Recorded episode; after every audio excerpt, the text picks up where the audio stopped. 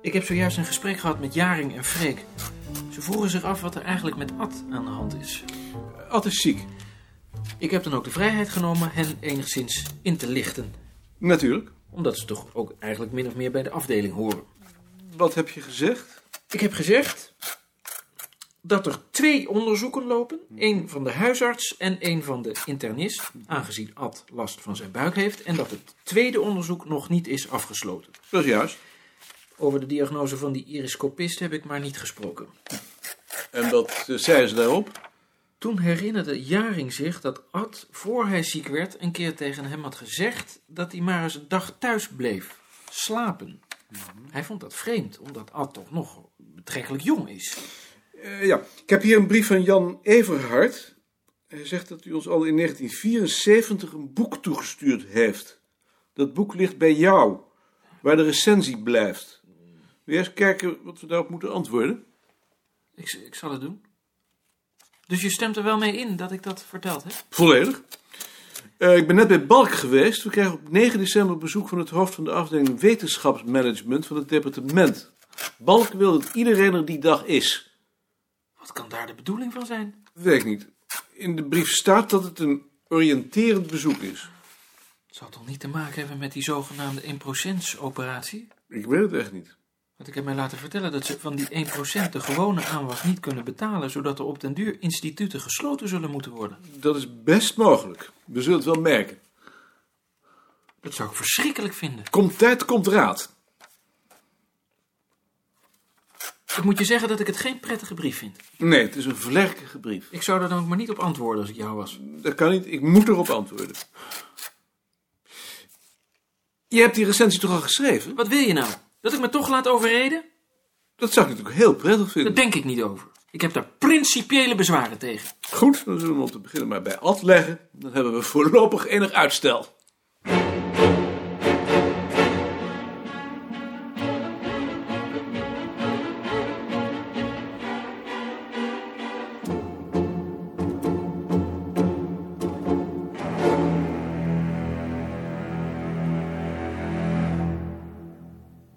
De mist was zo dicht dat hij de overkant van de gracht niet kon zien. Het licht van de straatlantaarns vervluchtigde in het donker. De koplampen van de auto's in de Raadhuisstraat vloeiden uit tot grote gele vlekken die langzaam langs gleden. De mist dempte de geluiden. In de stilte hoorde hij de voetstappen van de mensen om hem heen die net als hij op weg waren naar hun werk. Even voorbij de Raadhuisstraat werd hij ingehaald door een man die vlak achter hem bleef lopen. Zo dicht dat hij bang was dat hij hem op zijn hielen zou trappen. Dat maakte hem onzeker. Hij veranderde onmerkbaar van tempo. Maar de voetstappen pasten zich telkens aan.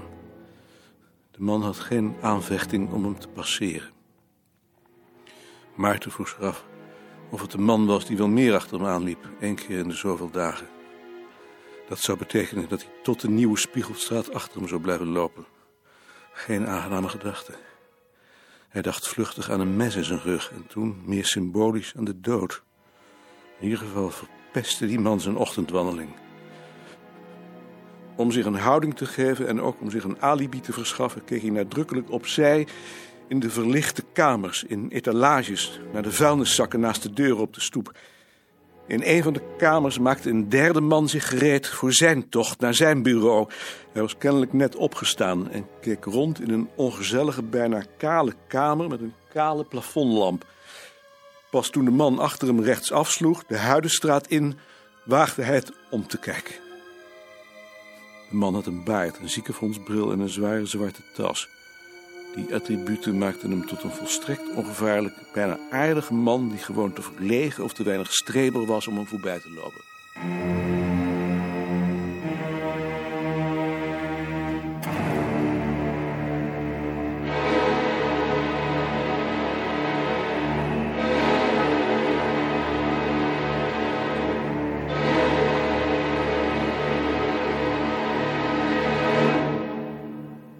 Kom, kom, kom eens.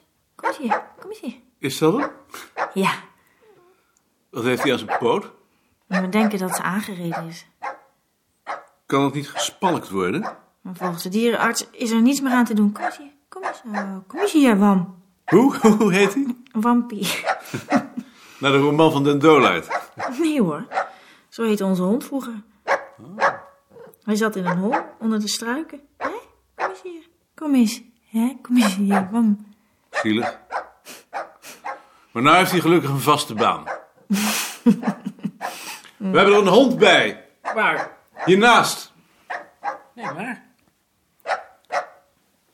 Hij doet niks. Dag Tjitske, doet hij echt niet? Nee hoor, hij blaft alleen maar. Zullen ze nu echt geen problemen geven met de bezoekers?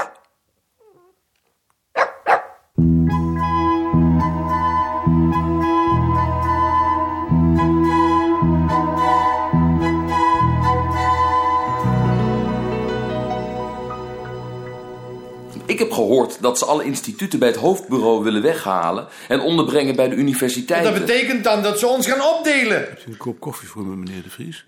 Jawel, meneer. En wat gebeurt er dan met de bibliotheek? Die wordt natuurlijk ook opgedeeld. En dan de bibliothecaris zeker ontslagen. Leuk is dat. Ik denk dat we allemaal wel zullen worden ontslagen. Dat zou toch verschrikkelijk zijn? Gaat het hier? Oh, jawel, meneer. Dank u wel. er gewoon voor zorgen dat je onmisbaar bent. Dag, meneer Goud. Dag, meneer Koon. Maar weten jullie wel dat we op de universiteit een ontzettend slechte naam hebben omdat wij nooit wat publiceren? Ja, dat gaat dan niet van mij. Ze denken dat we worden opgeheven. Ze noemen ons de e- eekhoorns. Nou vraag ik je. Nou dan maar, eekhoorns. Dat beschouw ik dan maar als een erenaam. Ik geloof er niets van. Oh, nee? Alleen is het wel zo dat verzamelen toevallig uit is. Daarom vind ik ook dat we moeten publiceren. We zouden gewoon moeten afspreken om allemaal minstens eh, twee publicaties per jaar te leveren. Wat moeten ze dan met ons? Ja. Als je eenmaal zo'n naam hebt, dan raak je die niet zo gauw meer kwijt. Ze moeten ons toch van de straat houden? Anders gaan we toch rotzooi trappen? ja, daar hebt u wel gelijk in. Dat komt door die vragenlijsten van volkstaal en volkscultuur. Die hadden we lang moeten afschaffen. Dat is al volkomen verouderd. Oh. Nee, Koos, daar ben ik beslist niet met je eens. Beslist Nou, niet. Jullie lessen dan misschien niet, maar wel die van volkscultuur. Ben jij daar niet bang voor, Maarten, dat we worden opgeheven? Nee. Maar vind je dan ook niet dat we meer zouden moeten publiceren? Nee. Waarom dan niet? Omdat er al genoeg wordt gepubliceerd. Vind je dat echt? Tuurlijk vind ik dat. Nou, dat ben ik dan toch niet met je eens. Je zult toch ook rekening moeten houden met wat het departement van ons Maar ik zou er geen bezwaar tegen hebben als het departement ons ophief. Ik kan me dat best voorstellen zelfs. Ik heb alleen geen zin om naar hun pijpen te dansen.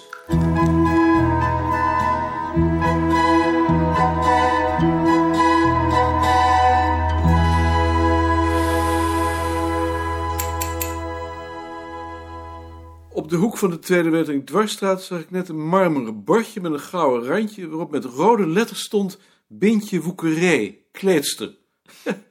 Bintje Woekerij, kleedster. Prachtig. Aardappeltje. Ik stel me voor dat er heel wat aardappeltjes op af zullen komen. Als ik jou zo hoor, is het meer een uitkleedster. Zo ken ik je. Met koning, U spreekt met Annelien Dauma van het instituut in Utrecht. mevrouw Dauma. U hebt ons vorig jaar een nummer van uw bulletin toegezonden. Wat moeten we daarmee?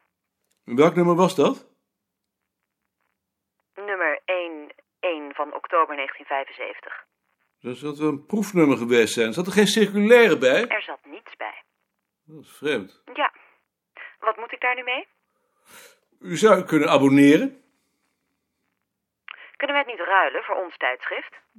Dat zou in principe wel kunnen, maar dat hebben we al. Dat ruilt u met het tijdschrift Volkstaal van de afdeling Volkstaal. Maar wat gek dat er dan niet even een circulaire bij zat. Dat is gek, dat is een fout. Het spijt me. Want hoeveel nummers zijn we nu al achter? Eh, twee. Het vierde verschijnt volgende maand. Dat zie je wel. Als u er nou een circulaire had bijgedaan, dan was dat niet gebeurd. Zal ik u die ontbrekende nummers met een circulaire toesturen? Dan hebt u geen hiaat en dan kunt u alsnog beslissen of u het hebben wilt. Als dat zou kunnen. Tuurlijk kan dat. Ik stuur ze vandaag nog toe. Dank u wel. Geen dank. Dag mevrouw Dauma. Joost, Jawel. eh, zou jij vandaag nog de nummers 12 en 21 naar het instituut in Utrecht willen sturen ter attentie van deze mevrouw met een circulaire? Met een circulaire. Komt in orde. Vandaag nog, ik heb het beloofd. Als de post nog niet weg is. Die is nog niet weg. Inderdaad. Om een of andere reden blijkt ze in de tijd geen circulaire te hebben gehad. Hé, hey, dat had niet gemogen. Nee. Dus je zorgt ervoor? Ik zal ervoor zorgen. Eh, Bart, ik heb zojuist een mevrouw Dauma aan de telefoon gehad. Van het instituut in Utrecht. Hoe weet je dat? Omdat ik vorig jaar uitvoerig met haar heb gecorrespondeerd. Ze wilde een ruil tot stand brengen met hun tijdschrift. En ik heb haar toen uitgelegd waarom dat in dit geval niet mogelijk is. Heb je die brief nog? Ja, natuurlijk heb ik die brief nog. Dat is sterk. Ze beklaagt zich bij mij dat ze geen circulaire heeft gehad. Dat zei ze ook tegen mij. Maar die heeft ze wel gehad. Ik heb daar de bewijzen van. Zoals je ziet, heeft ze er zelfs twee gehad. Ik zie het. Wat heb je tegen haar gezegd? Ze beklaagde zich dat ze nu een hiaat van twee nummers had en ik heb beloofd haar die vrijblijvend toe te zenden. Dat had je dus niet moeten doen. Nee. Ehm, zou jij haar bij die twee nummers een brief willen sturen waarin je dat fijntjes uit de doeken doet? Jawel. Jij voor Sinterklaas spelen zeker en mij de vuile karweitjes laten Dat is niet de opknappen. bedoeling. Geef mij die brieven maar. Ehm, Instituut De Voice. Ten aanzien van mevrouw A. Dauma, Utrecht. Geachte mevrouw Dauma, met afzonderlijke post zend ik u de beide afleveringen van het bulletin die ik u zojuist heb toegezegd. Hierbij ingesloten zend ik u bovendien de fotocopieën van de correspondentie die u ongeveer een jaar geleden over een eventueel abonnement gevoerd hebt met de heer B. Asjes. De inhoud van deze brieven spreekt voor zichzelf. Intussen hoop ik natuurlijk van harte dat de inhoud van de beide nummers voor u aanleiding zal zijn om u namens uw instituut op ons tijdschrift te abonneren. Met hoogachting M. Koning. Zo goed? Zo zou ik het niet gedaan hebben, maar ik heb geen overwegende bezwaren. Gelukkig. Bart, Ja? zie je die houtduif? Ja, ik zie hem. Ik meen zelfs dat het er twee zijn. Er zijn er twee. Moeten die beesten eigenlijk niet trekken? Houtduiven trekken niet. Het zijn standvogels. En die duiven waar ze in Frankrijk op schieten dan? Maar Dat weet ik niet. Dat wou ik maar zeggen.